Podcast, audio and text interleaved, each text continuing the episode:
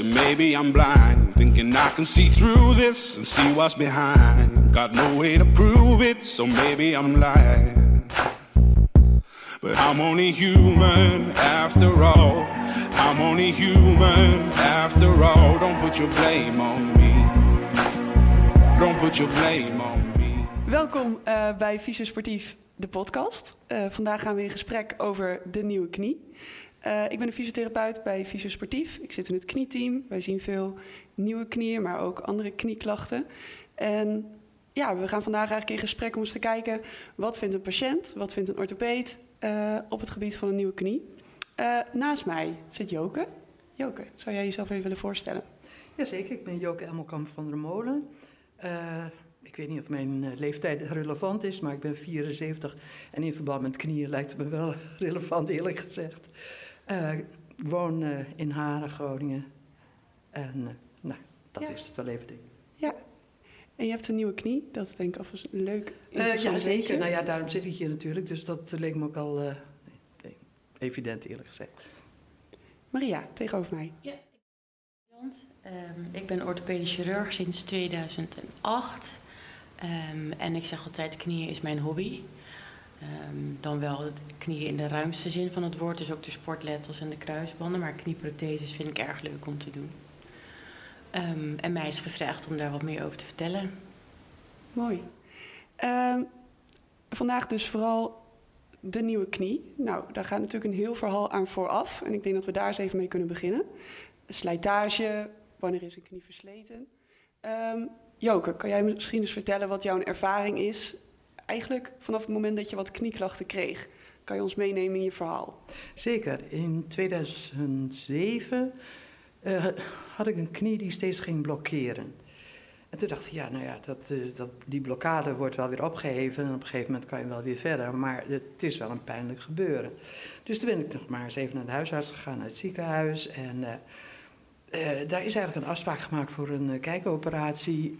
En ja, het gekke was dat ik na het bezoek aan het ziekenhuis natuurlijk helemaal geen klachten meer was, uh, had. Uh, echt het tandartsverhaal uh, ongeveer. Dus ik heb die kijkoperatie heb ik gecanceld. Toen kreeg ik in 2009 kreeg ik weer klachten. Hetzelfde verhaal eigenlijk. Ik heb het weer gecanceld omdat het daarna gewoon afgelopen was. Maar um, nou ja, vanaf 2009 bleef ik wel wat knieklachten houden, maar ik golf en ik kon best nog uh, 18 holes lopen. En uh, door de jaren heen werd het gewoon wel slechter, absoluut slechter. Dus ik heb dat in de gaten gehouden. Ik heb op een gegeven moment ook wel, hoe noem je die dingen, foto's laten maken. En daar bleek wel uit dat, dat het kraakbeen behoorlijk aan het verdwijnen was.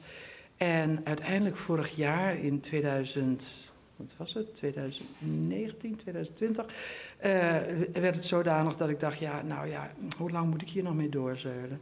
En toen ben ik naar het ziekenhuis gegaan en toen bleek toch wel dat de knie dusdanig uh, slecht was, dat hij voor een knieoperatie, een volledige knie in aanmerking kwam. Ja, en toen heb je die keuze snel gemaakt? Of hoe, ja. is, dat, hoe is dat keuzemoment voor jou geweest? Uh, nou ja, ik, kijk, in eerste instantie ga je naar de huisarts en dan kan je doorverwezen worden. Dus ik werd doorverwezen naar het ziekenhuis. Um, daar heb ik een afspraak gemaakt. Maar door die hele coronatoestand, en sowieso denk ik wel achterstand bij uh, orthopedie uh, in, in zijn algemeenheid, dat weet ik niet zeker, uh, duurde dat maar en duurde dat maar. En ik begon echt vanaf 2020, eind 2020, ging het echt slecht. En ik denk dat ik begin 2021 in het ziekenhuis terechtgekomen ben. Maar ik ging steeds meer als, als een, ja, met alle respect, uh, gehandicapt lopen. Waardoor ik ook heel vervangend ging lopen. En eh, dus ook last kreeg van mijn andere knie, heb ik nog steeds last van trouwens. Um, heupen begon ook een beetje mee te spelen. En op een gegeven moment was mijn man het gewoon zat. Hij zegt, ja, ik vind jou zo eh, lang nu al zo kreupelig uh, lopen. Uh, waarom gaan we niet naar een uh, privékliniek? Ik zei, nou, helemaal prima, bel de verzekeraar maar. En die gaf mij een aantal klinieken. En toen moest ik dus een keuze maken uit klinieken. Nou, dat is niet makkelijk. Ik ben wel van de websites, ik ben wel van internet, dus ik kan me daar heel goed op bewegen. Maar hoe bepaal ik welke kliniek ik nou goed vind? Leuke gezichten van artsen, uh, jonge, jonge vrouwen, uh, leuke mannen. Uh, maar ja, het ging wel om mijn knie. En het is gewoon heel lastig om dan een keuze te maken. En toen heb ik een keuze gemaakt voor Orthopark. omdat ik de intake in Groningen kon hebben. het opereren zou ergens anders plaats hebben. maar de intake in Groningen. Nou, ik denk, daar gaan we maar eens even achteraan bellen. En daar kon ik ook direct wel een afspraak maken. Dat wil zeggen, vanaf mijn telefoontje was het 14 dagen later, want de arts zit niet altijd in Groningen. En toen vroeg ik of er ook een andere mogelijkheid was voor de intake. En uh, toen werd mij gezegd uh, dat ik eventueel in Lelystad wel kon komen. Ik denk, nou, daar tuffen we toch gewoon heen. En dat heb ik gedaan. Prima gesprek gehad, besloten uh, om een nieuwe knie te nemen. Uh, daar is me de vraag gesteld of ik ook een, uh, hoe heet dat nou, een 3D-kniemal uh, wilde laten maken.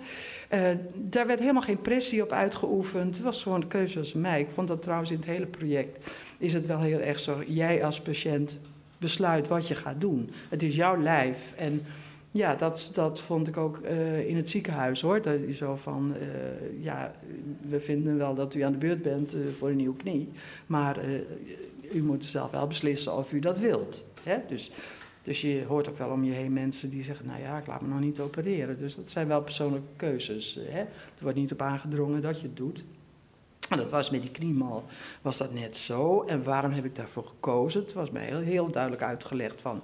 Um, waarschijnlijk zijn de snijvlakken uh, anders, kleiner, waardoor ook het herstel sneller kan gaan. Nou, dat vond ik toch wel een argument waarvan ik dacht: oké. Andere punt daarbij was, dat was dan meer aan de negatieve kant, uh, dat ik dan een mal zou moeten maken. Maar hoera, hoera, dat zou in Haren bij Groningen kunnen. En onderweg van Lelystad naar uh, Groningen kreeg ik te horen: jammer. Dat kan niet. Dat zou Amsterdam moeten worden. Ik werd ook direct door Amsterdam gebeld. Het ging allemaal zo voorspoedig. Ik moet zeggen, ik was daar zeer, zeer enthousiast over.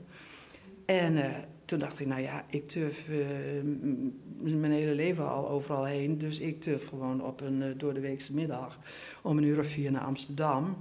Voor die mal. Allemaal helemaal prima. Maar toen ik in Amsterdam kwam, bij, nou weet ik veel, ik weet niet meer precies hoe dat heette daar kon ik helemaal geen koffie krijgen. Nou, dat was heel, heel de corona. Oh, toen had ik het even heel zwaar. En uh, nou, te doen gebruikelijk mekker ik dan ook. Dus dat heb ik ook gedaan. Ja. Toen heb je even gemekkerd? Ja, ik heb zeker even gemekkerd. Ja, ja, nou, die mal heb ik laten maken. Um, daar heeft, in dat proces hebben we dus 14 dagen extra gezeten. Van inteken tot operatie, zes weken. Met die mal acht weken. En gewoon uitzicht op. Terwijl dat in het ziekenhuis dus niet zo was. pas later kreeg ik een oproep om naar het ziekenhuis te gaan. Ja, toen was ik al lang, ja, had ik alles doorgeregeld, zeg maar. dus ook het proces, dat vind ik dan zelf heel prettig. Uh, ook al gebeurt er nog niks, je bent in ieder geval bezig. Je weet gewoon, het is eindig. In de hoop tenminste dat je daarna uh, weer, weer, een beetje fatsoenlijk kunt lopen ja. zonder pijn. Ja. ja. Nou, zo is, het, zo is het eigenlijk een beetje gelopen. Ja, nou, dat heb je mooi verteld. Ik denk, uh, Maria, dat jij er misschien even op kan, nou, even kan inzoomen van... We begonnen eigenlijk met de vraag van wanneer kies je voor een nieuwe knie? Ja. Uh, jij ziet natuurlijk ook heel veel patiënten die wikken en wegen. jij wikt en weegt denk ik ook het een en ander af. Waar, waar, wat zijn indicaties? Nou ja, wat, wat zij heel goed aangeeft en wat ook absoluut zo is, is wat ik altijd zeg: we, opereren geen plaatjes, geen röntgenfoto's. Dus het kan op een röntgenfoto uh, heel duidelijk zijn dat een knie is versleten. Uh, maar als iemand daar nog steeds 18 huls mee kan golven of uh, zich prima mee kan redden, dan doen we daar niks mee. Um, en daar is een, een grijs gebied, zeg maar, waarbij mensen wel heel veel klachten hebben, maar niet zozeer veel afwijkingen op de foto of weinig slijtage op een foto. Dat is heel lastig waar je dan voor kiest. Dan zijn er nog tussenoplossingen. Um, of nee, tussenoplossingen is niet helemaal het goede woord. Er zijn nog andere opties om wat te doen aan beginnende slijtage van een knie. Uh, en dat is de uh, standcorrectie.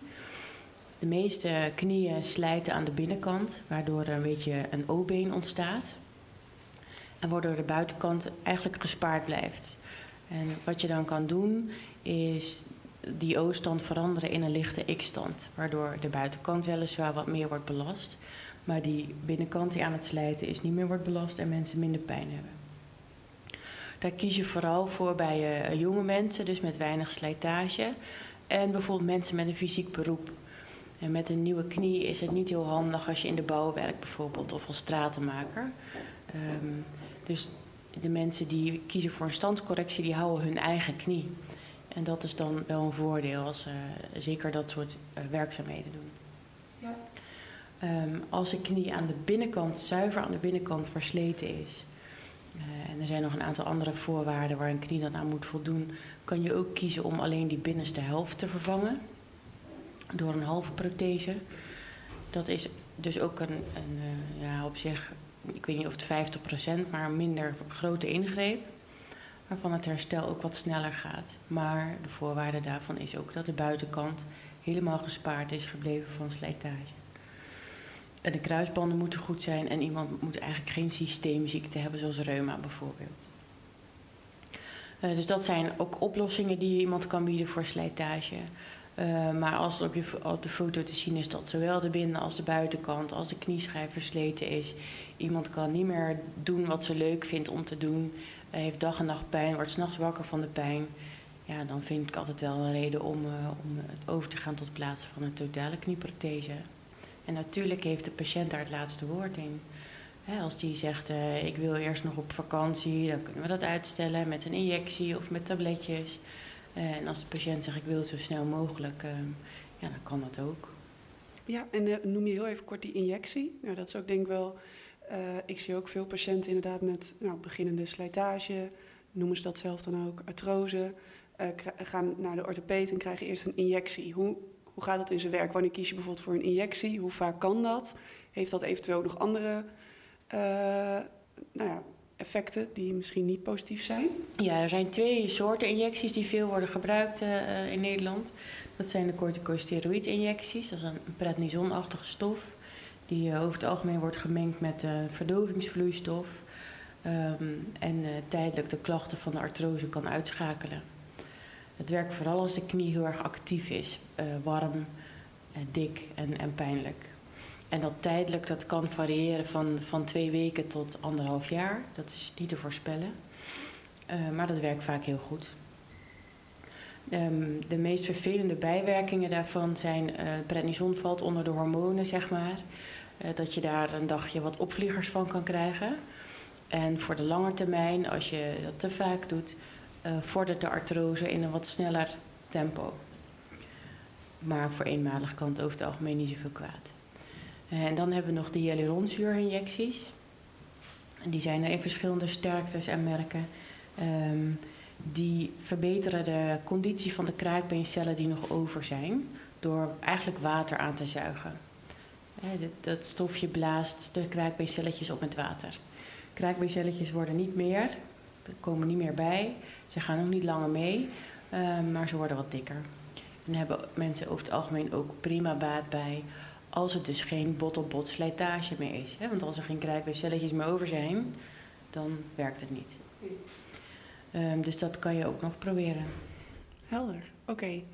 Die keuze is bij mij eigenlijk helemaal niet aan de orde geweest. Want ik kwam dus van het ziekenhuis met de foto's. En jij zei direct van, nou, dit is duidelijk. Ja. Als het eh, bot op bot is, dan uh, is het eigenlijk, uh, gaat dat niet meer werken. Ik heb nog wel een vraag, die heb ik je geloof ik nooit gesteld. Maar ik meende dat jij zei, je hebt ook niet zoveel pijn meer. Klopt, dus um, het proces van slijtage gaat eigenlijk altijd in golfbewegingen. Er zijn periodes dat mensen veel pijn hebben. Misschien wel achteraf wat u beschrijft, hè, die twee keren dat u op de wachtlijst kwam voor een, uh, een kijkoperatie. Dan gaat de knie zeg maar, aan het slijten. Het lichaam stuurt er wat meer bloed naartoe. Het wordt dik, warm, pijnlijk. En dat is heel vervelend. Uh, dat komt soms zomaar en soms door een misstap of een verstapping of een val. En dat kan echt maanden aanhouden. En meestal dooft het ook vanzelf eruit. Dan komt die slijtage in een wat rustiger vaarwater. En dan uh, is het minder dik en minder pijnlijk. Nou, 100 jaar geleden bijvoorbeeld, bijvoorbeeld werden er geen uh, nieuwe knieën geplaatst. Dus liepen mensen daarmee gewoon door tot het in een wat rustiger vaarwater blijft, die slijtage. En dan op een gegeven moment doet zo'n knie dan geen pijn meer, maar is die ook hartstikke stijf. Kan die niet meer lekker strekken, kan je niet meer goed lopen. Ehm, ja, dat zien we nog een enkele keer, maar meestal trekken mensen tegenwoordig eerder aan de bel. Um, en we hebben natuurlijk nu wel de luxe dat we een kniegewricht kunnen vervangen door een prothese. Ja, en daarop even inspelen denk ik dat het ook interessant is om te weten... Wat, wat is nou de gemiddelde leeftijd? Is uh, boven de 70 een leeftijd waarvan je zegt... ja, dan kiezen we sneller voor een nieuwe knie... en als iemand jonger is, minder snel? Of hangt dat echt ook samen met de pijn en de mate van slijtage? Die range van die leeftijd die neemt wel toe. Uh, toen ik in opleiding was, dat is nog zo heel lang geleden... deden we boven de, onder de 70 jaar eigenlijk nooit een nieuwe knie... En dat had ook vooral te maken met de levensduur van zo'n prothese. Die kan ook weer slijten. En inmiddels is de kwaliteit van de protheses een stuk verbeterd. Uh, en de techniek van opereren zijn de afgelopen jaren fors verbeterd. Ja, en ik vind altijd als iemand 45 is of 50, die heeft dag en nacht pijn. Ja, dan kan je niet zeggen, wacht maar tot je 70 bent. En dan zeg ik altijd, in het slechtste geval gaat zo'n knie 20 jaar mee. Uh, en dan moet je daarna maar heel rustig aan gaan doen. Ja, wat, hoe lang gaat een prothese mee? Is, dat? is er sterk afhankelijk van wat je ermee doet. Uh, als je daarmee gaat sporten, skiën of je hebt 20 kilo overgewicht, dan heeft zo'n knie het veel zwaarder dan wanneer je dat niet doet. Um, maar 20 jaar ongeveer. Oké. Okay. En is er dan ook een optie om nog een keer een knie te plaatsen bij ja. mensen? Okay. Ligt er een beetje aan de manier waarop zo'n prothese uiteindelijk faalt. Als er heel veel verlies is van bot, dan is dat heel lastig. Maar meestal lukt het dan om nog wel eens een keer een revisieprothese te plaatsen, zo noemen we dat. De functie wordt er over het algemeen niet beter van. Het is een ander type prothese. Je maakt het hele litteken weer open. Er ontstaat weer meer littekenweefsel. Um, dus dat moet je eigenlijk niet willen. Nee. Oké, helder. En is er ook wel, um, want vaak als mensen dan nou, op een gegeven moment overwegen uh, om een, nou, een, nieuwe knie te nemen of een halve knie, worden ze op een gegeven moment wat minder mobiel, want je gaat meer pijn uh, krijgen in de knie, je krijgt wat atrofie, dus minder spiermassa in het bovenbeen. Heeft dat een nadelig effect voor eventueel het traject erna? Zeg maar, kunnen we te laat een nieuwe knie erin zetten eigenlijk? Is, is dat een... Uh... qua spierkracht, nee. Dan wordt het revalidatietraject wel wat langer. Mm. Omdat ze dan hè, vanaf een lager punt die spierkracht weer allemaal op moeten bouwen. Er zijn wel knieën die een dusdanige O- of X-stand slijten. Dat zie je met name nog bij reuma, maar ook wel eens bij andere aandoeningen. Dat het uh, niet meer lukt om een zogenaamde primaire knieprothese te plaatsen. De standaard knieprothese die bijna altijd wordt gebruikt. Dan moet je weer wat meer trucjes en, en uh, dingen uithalen om zo'n been weer recht te krijgen. Um, dus dat kan ook nog wel eens een reden zijn om te zeggen van nou ja, als je, als je die nieuwe knie wil, dan moeten we niet te lang wachten. Want het been groeit hartstikke scheef. Ja, oké, okay, dat is echt een indicatie dus. En waar jij het net even over had, die mal, mal laten maken. Ik denk dat mensen nog wel heel benieuwd zijn, wat is dat precies? Ja. Hoe gaat dat in zijn werk? Nou ja, het is, het is een kopie van je eigen, eigen uh, knie. Dus, ja, hoe, ma hoe maken jullie dat precies? Nou, je kan een uh, totale knieprothese eigenlijk dus plaatsen op twee manieren. Bij een totale knieprothese wordt uh, het kruikbeen van het bovenbeen vervangen door een metalen component en het kruikbeen van het onderbeen. En daartussen wordt een kunststof schijfje zeg maar, geplaatst, een kunststoflaag, waardoor dat weer soepel scharniert en beweegt. Ik begreep dat er ook porselein op zat. Dat vond ik wel chic. Nee. Dat is niet zo? Nee, dat is Kijk, geen- heb ik nee. toch verkeerde informatie gekregen. Nee, er bestaan verschillende legeringen voor metaal. En dat, dat, dat verschilt ook een beetje per merk en type prothese wat je gebruikt. Maar ehm, in Nederland zijn we dus daar nog terughoudend met het plaatsen van nieuwe dingen. Eh, dat we eigenlijk pas in Nederland prothese plaatsen als daar al tien jaar of meer ervaring mee is. Ehm, dus de prothesen die in Nederland gebruikt worden, die legeringen van metaal, die zijn allemaal prima. Als je zo'n prothese wil plaatsen op het bovenbeen, dan moeten daar wat hoekjes in gezaagd worden, zodat dat mooi klemvast daarop zit. En dat wordt nog vastgezet met botcement, maar dat terzijde. En uh, dat onderbeen moet ook in een hele rechte stand worden afgezaagd, zodat die O-stand of X-stand weer gecorrigeerd wordt. Nou, dat kun je tijdens een operatie uitmeten. Dan boor je een gat in zowel de schacht van het boven- als onderbeen. Boven en onderbeen zijn eigenlijk allebei een holle pijp waar je dan een gat in maakt en daar een meetinstrument op aanbrengt. En met dat meetinstrument bepaal je de maat en de stand van de prothese, wat het meest geschikt is voor de desbetreffende patiënt. Ehm, dat kan. En daar is al heel lang ervaring mee en dat gaat prima. Je kan het ook voor de operatie uitmeten. En dat doe je met een 3D-reconstructie van de knie. Die wordt gemaakt met, een, uh, met behulp van een bepaald type MRI-scan. Um, en die 3D-reconstructie, daar, aan de hand daarvan bepaal je dan alvast de maat en de stand van de prothese en de zaagvlakjes. Dat is prettig, dan hoef je die, die schacht van de boven- en onderbeen hoef je niet te openen. Dat scheelt vaak al wat in bloedverlies. Uh, tijdens de operatie, maar ook daarna. Als je, dan wordt de knie wat minder dik over het algemeen. Meestal hoef je ook iets minder spier los te maken. Uh, en je bent sneller. Je hoeft tijdens de operatie eigenlijk nauwelijks meer na te denken. En dat is voor de patiënt niet heel erg verschillend. Want de meeste mensen kiezen voor een roesje en die slapen lekker. Um, maar uh, hoe, hoe, korter de wond open is, hoe kleiner de kans op complicaties. En hoe sneller de patiënt weer gaat bewegen, hoe minder de kans op spieratrofie. En tijdens een operatie, tijdens een ruggenprik of narcose gaat dat best heel hard. Zodat als je die spieren helemaal niet gebruikt, um, ja, dan, dan uh, neemt de spierkracht in een heel rap tempo af. En we zijn ook gewend om um, daarin heel nauw samen te werken met on onze anesthesiologen. Over het algemeen is het zo dat een ruggenprik of narcose met, uh, uh, of een roesje ongeveer een kwartier langer werkt dan ik nodig heb voor de operatie. En dat betekent dat mensen een kwartier na de operatie gaan bewegen. En er staat meteen ook een fysiotherapeut naast hun bed. Dus, zeggen, sterker ja. nog, na een half uur ongeveer moet je alweer, uh, moet je er alweer ja. in de benen. Ja, want hoe lang duurt zo'n operatie? Ongeveer een uur. Ongeveer een uur. En een half uur later dan iemand aan zodra, je Zodra je een beetje, nou ja, tot jezelf gekomen bent, zeg maar, staat er inderdaad een fysioloog, uh, een fysiotherapeut die zegt dan... Mevrouw, slingert u de benen eens over de rand? Ja. Dan denk je, oh, wat? Ja. U mag het volledig belasten. En dat is op zich best een beetje eng, want je, in de eerste plaats heb je natuurlijk de hele tijd zo gestrompeld. En dan heb je er iets nieuws in zitten. De, die knie is helemaal. Uh, nou, daar zit natuurlijk een, enorm verband om, dik geslacht. Dan heb je nog helemaal geen pijn aan. En gassie, dan moet je dat beest helemaal gaan belasten. Dat Onwennig, is een beetje, ja. Nou ja, ik begreep ook dat van, van de fysiotherapeut dat ook niet iedereen dat durft. Nou, ze zijn daar wel heel goed in. Ja, nee, ze, je, ik bedoel, ik zou haar zeggen, je wordt geprest, dat is natuurlijk onzin, maar je wordt wel aangespoord ja, om... Uh, het ja, kan ik, ook. ik, had, ik had die, be, die bedenking nog niet Als het niet kan, dan hoeft het niet. Nee, Als precies. iemand uh, appelig is van een narcose of duizelig Nee, is, dan, dat dan, doen we dat niet. Of misselijk. eh, Maar ehm, ja, wij hebben dan eigenlijk zeg maar, als voordeel dat wij in Orthopark de knieprotheses bijna allemaal in dagbehandeling uh, opereren. Dat betekent, s ochtends komen, s middags naar huis. Um, en dat doen we uh, sinds een aantal jaren. En dat moest, ik moet zeggen, in het begin moest ik daar ook best wel aan wennen.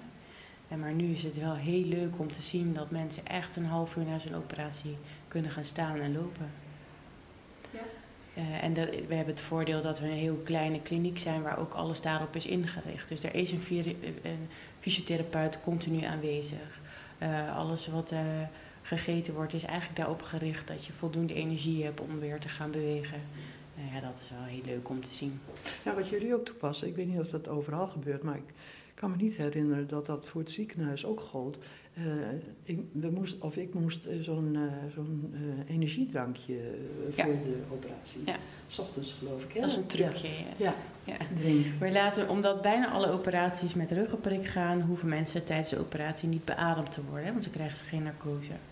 Dus dan vinden we het veilig om een aantal uren voor de operatie een AA-drank te nemen, zodat bloedsuiker uh, omhoog gaat en ook een tijdje hoog blijft. En je na de operatie je eigenlijk meteen veel fitter voelt dan wanneer je al een hele dag nuchter hebt liggen wachten.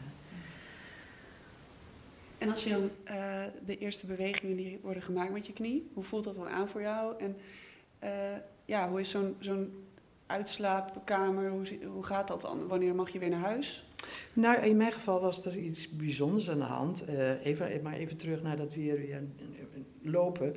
Je moet elke, elk half uur ongeveer, elke drie kwartier, eh, moet je dus eh, lopen. Nou, dat is dan een, eh, weet ik veel, 10, 20 meter eh, heen en weer. En, eh, en ze houden je nauwlettend in de gaten. Want je moet inderdaad niet duizelig worden of zo. Dus daar wordt wel heel goed naar gekeken. En dan mag je weer op bed. Eh, ja, dat, dat been dat voelt wel wat strak natuurlijk. Ik bedoel, daar is, daar is toch van alles aan gedaan. Ehm, maar pijn had ik in ieder geval niet op dat moment, helemaal niet. En ik moet zeggen, eh, de hele tijd heb ik ook gewoon geen pijn gehad. Ook na die tijd is dat bij mij allemaal geweldig verlopen. Dat ik ook heel snel, heb ik ook in eh, overleg met, eh, met de arts.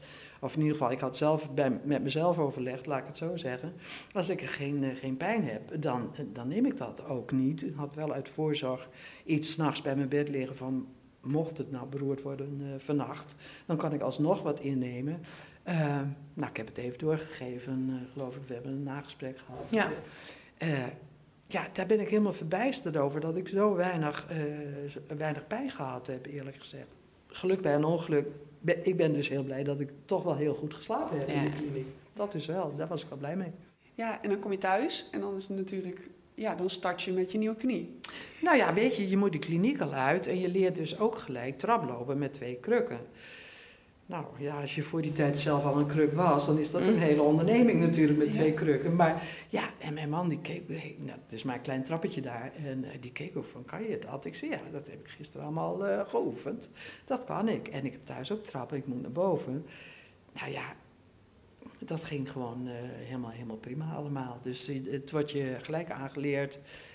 Dus je weet hoe daarmee om te gaan. Nou, helemaal ja, uitstekend allemaal zo. Ja, en we bellen altijd even nog na een paar dagen. Hoe is het gegaan? De fysiotherapeut. met de pijnstillers? Is het met de krukken? Ja, en dan kom je denk ik... eh, nou, wij hebben elkaar ook voor de operatie alvast even gesproken. Ik heb een, eh, een afspraak met jullie Ja. gemaakt. Want eh, op de website van de ortho eh, staat dus de fysiotherapie. Nou, dat was in dit geval dan fysio... In, hoe heet het? Sportief, hè? Ik zal even een reclame maken. Dus... eh, of mag dat niet, Joost? Nou, maakt niet uit. Het is geen tv. Dus daarom gebeld. En dat, dat ging natuurlijk ook prima. Hè? En jij wist precies eh, hoe en wat.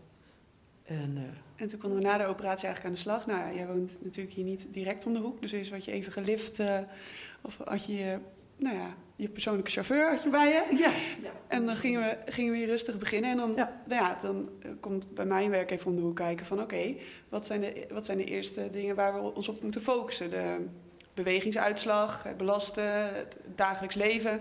Wat zijn de factoren die eh, nou ja, voor een patiënt eh, meespelen? Maar ook, wat is belangrijk om als eerste te behandelen? Ehm, Jouw eerste vraag was, waar wil je naartoe? ja, nee, wat wil je weer? Wat dat wil je heel belangrijk. Ja. Ja, er zijn, er zijn eh oefentherapeuten die gaan aan de slag met iemand van 75 eh, met weet ik hoeveel kilo drukken en roeien. Dan denk ik, als je dat in dagelijks leven niet wil, dan moet je daar niet naar streven.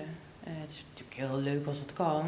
En als iemand zo sterk mogelijk uit dat fysiotraject komt. Maar eh, ja, het belastingspatroon van een 70-plusser is anders dan van een 40-plusser. Nee, en ik, ik kwam hier binnen en eh, het is kwestie van heel aandachtig. Ze houden me heel erg in de gaten. Zeker ook toen ik begon te lopen, zeg maar. Mocht ik altijd voor haar uitlopen, dan had ze alweer precies gezien of ik eh, goed of slecht gelopen had. En nou ja, daarover eh, hebben we het dan ook. Hè. En, en, en ja, de dingen die we moeten aanpakken, in mijn geval... eh, ook ook wel met die spierpijn, nou, dat had ik al in de, in de informatie van de Orthopark ook gelezen. Dat je wel spierbaan kon houden. Daar heb ik Ja. daar normaal al veel last van. Dus ja, dat heb ik ook door. Nou, ik zou haar zeggen, doorlopend heb ik wel last van, eh, van mijn spieren. Bovenbeenspieren en, en de rest ook wel. Ja, dat moet allemaal weer op kracht komen. Ja, maar ik, daar heb ik normaal ook heel gauw last van. Dus eh, dat is niet, een, eh, niet, niet zo prettig eigenlijk op zich. En je had natuurlijk specifiek als doel van, noemde je aan het begin al eventjes, weer kunnen golven. Ehm, nou, ik denk dat daar dan de behandeling ook vooral op gericht moet zijn. De, inderdaad, de doelen, waar wil iemand weer naartoe?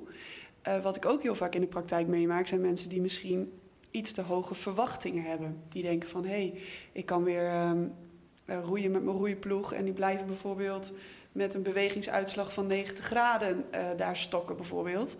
Ehm, dat vind ik wel even interessant, denk ik, voor jou als vraag. Van, wat zijn de eerste dingen wanneer wij aan de bel moeten trekken als fysio's richting een orthopeed van dit of dat gaat nog niet super? Nou, wat dat betreft gaan er geen twee knieën hetzelfde. Um, in de, allereerste fase vind ik eigenlijk het strekken van de knieën het belangrijkst. Op krombeen kan je niet lopen. Uh, en daarna ook wel buigen. En uh, de meeste mensen kunnen na een week of zes echt wel weer fietsen. Dus dat is wel meer dan 90 graden buigen. En qua sporters is roeien en fietsen um, min of meer onbelast voor een knie. Dus dat moet in principe niet zo'n probleem zijn. Die prothese zelf die kan ongeveer 130, 140 graden buigen. Ja, en dan ligt het er wel aan hoe de um, weefsels en de spieren zich daaromheen gedragen en getraind worden of je dat ook haalt of niet. De meeste mensen halen zo 120, wat genoeg is om te fietsen. Ja, ja en dat is denk ik ook uh, nou, een dingetje. Tenminste, voor, voor sommige mensen die inderdaad beginnen aan een nieuwe knie, die hebben er inderdaad de verwachting van 120 graden, doen hun uiterste best, blijven dan toch hangen op 90 bijvoorbeeld, of, ja. of richting 100. Uh, is dat dan afhankelijk van hoe de prothese erin is gezet? Want Nee, ik denk meer van de, we wekendelen. En je vroeg, hè, wanneer moeten we aan de bel trekken? Nou, op zich is het, het achterblijven van het buigen niet heel erg zorgwekkend. Behalve wanneer de knie rood, warm en dik is. Dan, dan moeten er wel alarmbellen afgaan. En ik zeg altijd, je kunt pas zeggen na een jaar, beter wordt het niet. Dus soms komen mensen wel wat, eerder terug, geen probleem. Ik heb liever dat je tien keer uh, komt voor controle dan één keer te weinig. Um, maar ik laat ze altijd oefenen tot een jaar. En dan zie je over het algemeen vaak dat die buiging toch wel uh, uh, toeneemt in de maanden na zo'n operatie. Um, ja, en er zijn restklachten na een nieuwe knie. Daar, daar hebben we het eigenlijk altijd voor de operatie wel eventjes over. Er is een klein deel van de mensen dat restklachten houdt.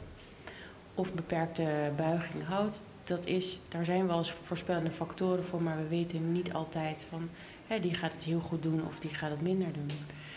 Um, daar zijn boeken over geschreven, daar zijn congressen over gehouden. Soms kom je er gewoon niet achter. Het kan inderdaad aan de positie van de prothese liggen. Um, uh, maar met die 3D-mallen is dat bijna niet mogelijk. Nee, dus dan is het technisch eigenlijk altijd goed. Maar dan is het toch iets wat, nou ja. Meestal als het, als het echt zo'n hele stijve knie wordt die echt niet verder gaat dan 90, ja, dan is het iets wat dat noemen we artrofibrose. Dat is eigenlijk gewoon te veel littekenweefsel. Eh, en dat is niet te voorspellen of iemand zoveel littekenweefsel gaat aanmaken of niet. Mag ik een vraag stellen? Um, mijn knie was, nou, is bij wijze van spreken jaren dik geweest. En hij is nog steeds dik is er een kans dat die dikte afneemt? Want ik bedoel, ja. ik vind nog steeds dat die dik is, net zoals die voor die tijd dik was. Het wordt bijna nooit meer helemaal de normale vorm. Er, wordt altijd een beetje, het blijft altijd een klein beetje dikker. Maar ook daarvoor geldt, pas na een jaar kan je zeggen, beter wordt het niet. En zolang die niet warm is en, uh, en uh, rood en geïrriteerd... of ja, als iemand koorts heeft, moet je sowieso aan de bel trekken. Nee, maar het houdt wel een bepaalde stijfheid daardoor ja. in. Hè? Dus. Ja, aan de andere kant is dat ook weer hoopgevend. Hè? Als die uh, zwelling weggaat, dan is er ook nog winst te verwachten in het buigen. Ja. En uh, ik hoorde laatst ook een patiënt over een uh, passief bewegingsapparaat... die jullie dan meekreeg naar huis. Is dat een, uh, de CPM, zoals we dat ook vaak noemen? Ja. Gebruiken jullie die ook en wanneer wel, wanneer niet? Nee, dat, in, in de beginjaren van het plaatsen van nieuwe knieën en andere, allerlei andere knieoperaties ook trouwens werd dat vaak gedaan. Um, maar het is beter als mensen zelf hun knie buigen voor hun spieren en, uh, en uh, weken delen daaromheen. Het wordt nog wel een enkele keer gebruikt als een knie stijf blijft, ook na een jaar. Iemand kan niet fietsen, het is pijnlijk. Uh, dan wordt er wel eens voor gekozen om zo'n knie door te bewegen. Dat betekent eigenlijk dat iemand weer uh, een ruggenprik krijgt of onder narcose gaat. En dat wij hem dan met een beetje geweld buigen. Verklevingen lostrekken als het ware. Soms doen we dat ook met een kijkoperatie. En dan weet je van tevoren, hè, deze meneer of mevrouw... die uh, gaat waarschijnlijk opnieuw heel veel littekenweefsel maken. en die vind, dat vind ik dan wel een kandidaat om op zo'n CPM te, te doen. Dat is een apparaat, dat kan je instellen um, hoeveel zo'n knie continu buigt en strekt. Um, het kan dag en nacht. En soms is een paar keer per dag een uurtje genoeg. Uh, maar meestal beginnen we met uh, dag en nacht. Ja, en dat is vaak dan dus, uh, wordt vaak in combinatie gebruikt met als je doorbewogen wordt onder narcose. Ja, dat is de enige reden dat ik het nog wel, wel eens gebruik. Bij primair eigenlijk nooit meer. Nee. Nou ja, wij gebruiken inderdaad uh, als fysiotherapeuten vaak gewoon de fiets of een home trainer als uh, nou ja, mobilisatie van de knie. Nou, dat heeft Joke natuurlijk ook een eigen weken voor die tijd gedaan en na de operatie heb ik ook steeds gefietst. Ik ben er nou een beetje klaar mee, want ik stap nou op mijn eigen fiets. Dus, uh... Ja, nou ja, dat is een heel mooi vooruitgang. vooruitgang.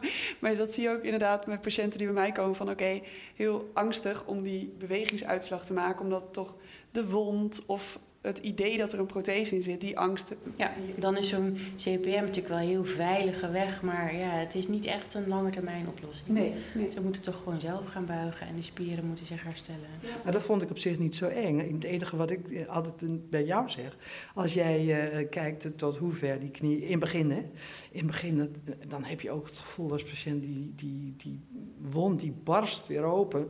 En dat is best griezelig. Dat is gewoon een griezelig gevoel. Maar je, je, weet dat het niet gebeurt, dus je helpt, je werkt mee.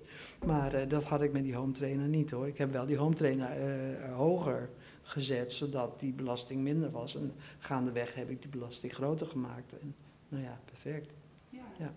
En wat zijn een beetje vooruitzichten van mensen die dus een nieuwe knie nemen? Van, past dat altijd bij wat ze ervan verwachten? Uh, ik denk, toch, nou ja. jij bent natuurlijk nu een paar maanden verder, maar je bent nog niet waar je wil zijn. Uh, hoe vind je het traject tot nu toe gaan voor jezelf? Nou ja, ik, in, de eerste plaats uh, was ik heel erg uh, blij dat ik zo weinig last ervan had. en nou ja, nu, kom ik, nu loop ik natuurlijk wel tegen bepaalde dingen aan.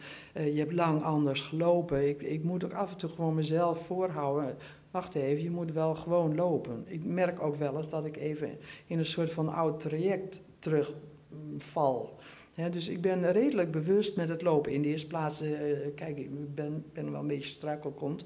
Dus ik kijk ook wel uh, uit, ja, ik kan over de kleinste steentjes kan ik struikelen. En dat kan ik nu even niet gebruiken. Was ook een reden waarom ik helemaal niet met mijn man mee wou op vakantie naar Zweden. Waar wij in de bossen ergens een huisje hebben. Maar goed, op een gegeven moment uh, heb ik dat toch gedaan. En dat is werkelijk verrassend goed gegaan.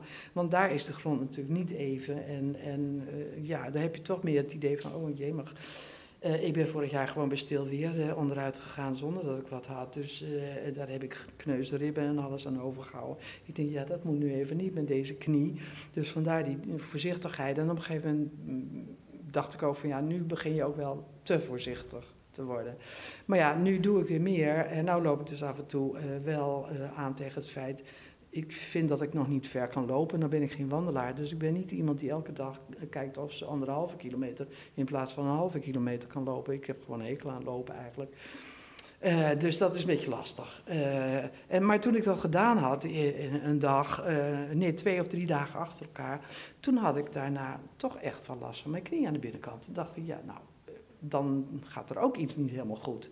En uh, nou, wat ik net zei, ik, ik, heb van de week voor het eerst al met die, en dat heb ik sowieso wel vaker gedaan, altijd een hekel aan gehad, die squats. Doet gewoon hartstikke zeer in je bovenbenen, heel vervelend. Maar ik heb nu last van de binnenkant van mijn knie, dus dan denk ik, dan kan dat ook niet zo goed zijn. Dus ja, weer proberen er onderuit te komen. Maar ik besef natuurlijk verrekte goed dat ik die bovenspieren uh, moet aansterken. Maar dat gedoe, uh, ik moet er natuurlijk ook geen last van krijgen. Dus we moeten daar een gouden middenweg in vinden. Ja. Nee, klopt. Het is, het is ook heel erg balanceren. Dat merk ik bij heel veel patiënten. Van de ene kan dit op dat moment goed. En je bent elke keer aan het balanceren tussen wel een goede bewegingsuitslag houden. Dus niet een, stijve, stijf been krijgen, niet te veel spierpijn, maar wel zorgen dat die spieren actiever worden. Dus... Ja, ik doe vreselijk mijn best, eerlijk is eerlijk. Ja.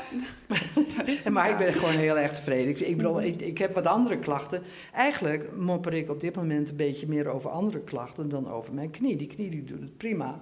Alleen er zijn wat andere uh, spieren, spieren die gewoon niet, niet, helemaal meewerken. Nou ja, maar dat is allemaal op te lossen. De vraag is natuurlijk alleen hoe lang gaat het duren. Dus het moet niet te lang duren. Want dan vind ik het niet leuk meer. Ja, nou ja, in het voorjaar wordt weer golf waarschijnlijk. Dat is nu uh, nou, ik heb, uh, Ja, nee, ik, ga, ik heb nou een karretje geregeld. Dus, uh, en dan gaan we langzaam opbouwen, hè? Ja. Het traject. Rustig opbouwen. Ja. Um, ja, wat merk jij van patiënten en de verwachtingen? Is dat een hot item bij jullie? Ehm, ja, dat is heel erg afhankelijk van hoe iemand binnenkomt. Eh, en wat je van tevoren ook daar uh, duidelijk over moet bespreken. Als iemand uh, binnenkomt met ik kom even een nieuwe knie halen en over zes weken ga ik skiën. Ja, dan moet je die verwachting wel een beetje bijstellen. En, en er zijn geen twee knieën hetzelfde. dus ik leg ook altijd toch best wel wat nadruk op dingen die er niet goed kunnen gaan. Het is niet even een nieuwe knie halen. Het is een flinke operatie. Met alles erop en eraan en een vaak best wel pittig herstel in de eerste maanden. Um, ja, ik moet zeggen, daar schrok ik ook wel een beetje van. Ja. Wat jij allemaal vertelde, wat er allemaal kon gebeuren. Ja. ja. Maar Had ik me niet zo dan gaat het na een operatie dus mis. Als je als dokter zegt, ja, we gaan even een nieuwe knie doen en over zes weken kan je alles weer. Ja, dat is gewoon niet waar. Ja, een heel, heel enkele keer, maar hè. Nee, maar oké. Okay, eh, Daar moet je ja, mensen op voorbereiden. Ik, ik, ging dat traject heus in zo van, nou, het is, ik, ik vind elke operatie eigenlijk heftig. Ik bedoel, elke naald in mijn lijf vind ik al heftig. Dus uh, je kan je voorstellen dat, het, dat ik het niet onderschat. Maar wat er, toen ik hoorde wat er allemaal uh, kon gaan gebeuren, ja, daar moest ik wel even. even uh, ja, nou, waar we het in het begin over hadden, hè, dat de patiënt uiteindelijk zelf beslist. En ik vind het ook altijd heel prettig als mensen meedenken en wat, wat uh, dingen hebben opgezocht op het internet. maar de rol van de dokter moet uiteindelijk wel zijn van, hè, is dit een goede indicatie om te opereren? Um, en zijn de verwachtingen van zo iemand reëel? En dat moet in een, in een gesprek duidelijk worden en soms bijgestuurd worden. Nou, dat was ook helemaal prima. Ik bedoel, dan weet je waar je aan toe bent. Hè? De operatie die kan heel erg goed verlopen. En het traject daarna kan, kan wel helemaal niet zo goed verlopen. Maar elke operatie heeft natuurlijk ja, gevaren in zich. Er wordt wel gesleuteld aan je lijf en er wordt wel iets in je lijf eh, gestopt. En wat ik ook heel grappig vind, dat, dat realiseerde ik me ook niet. Maar ik kan nu bij elke grensovergang kan ik tegengehouden worden. omdat ik iets in mijn lijf heb. Ja. nou ja, weet je, dit is helemaal niet zo belangrijk. Maar uh, het is iets waar je ook gewoon helemaal niet bij stilstaat. Je, je gaat het knieoperatietraject in. Nee, de, de alarmen gaan meestal niet af. Mm -hmm. nou, het gaat voor mijn BH ook altijd al af. Oh dus, ja, oh, dan ja, dus het komt helemaal goed. Uh, maar als het goed is, heeft u ook een prothesepaspoortje meegekregen. Jazeker, maar ja. dat moet je dus niet vergeten. Nee. Nee. Nee, dat is wel even, dat vind ik eigenlijk het belangrijkste, dat je dat dus ook nog mee moet steunen. ja, ja. dat moet je gewoon wel, hè, want dat heb je nooit gehad. Maar luister, ik ben 74, ik ben al die jaren zonder zo'n uh, paspoortje uh, ben ik de grens overgekomen. Ja, maar als ze zien ah, dat daar een litteken zit. Natuurlijk, weet ik wel, nee, tuurlijk. Maar goed, ik denk wel dat het uh, heel mooi is om hier inderdaad met z'n drie over te hebben. Zowel vanuit nou, als orthopeed vanuit uh, patiënten kijken en vanuit fysiotherapie. Van hey, hoe kun je dat het beste managen? Uh, de verwachtingen van mensen, uh, de communicatie onderling. Wat zeg je wel tegen een patiënt? Wat wordt er al gezegd bij een orthopeed? Nou, ik denk dat we daar in elk geval nou, heel veel verhelderende informatie over hebben kunnen geven. En ja, ik denk dat we bij deze kunnen afsluiten. Ik wil jullie enorm bedanken. Het was me genoeg. Ik vond het leuk om eh, aan mee te werken. Ja, Dank je wel voor de uitnodiging. Heel en ik ben zeer benieuwd naar, naar de uitslag, zal ik maar zeggen. ja. Dus, nou, uh, Maria, jij ook hartelijk bedankt voor ja, je openheid. heel graag gedaan. Ik vond het erg leuk om te doen. Tot de volgende. I'm only human after all. And you're only human after all. Don't put the blame on me. Don't put your blame on me.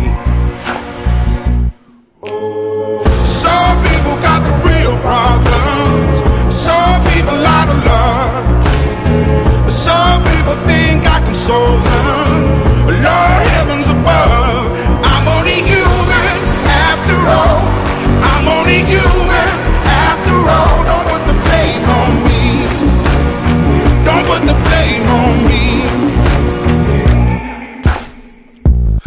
Don't my opinion. Don't ask me to lie and beg for forgiveness for making you cry. For making you cry. Cause I'm only human after all. I'm only human after all. Don't put your blame on me. Don't put the blame on me.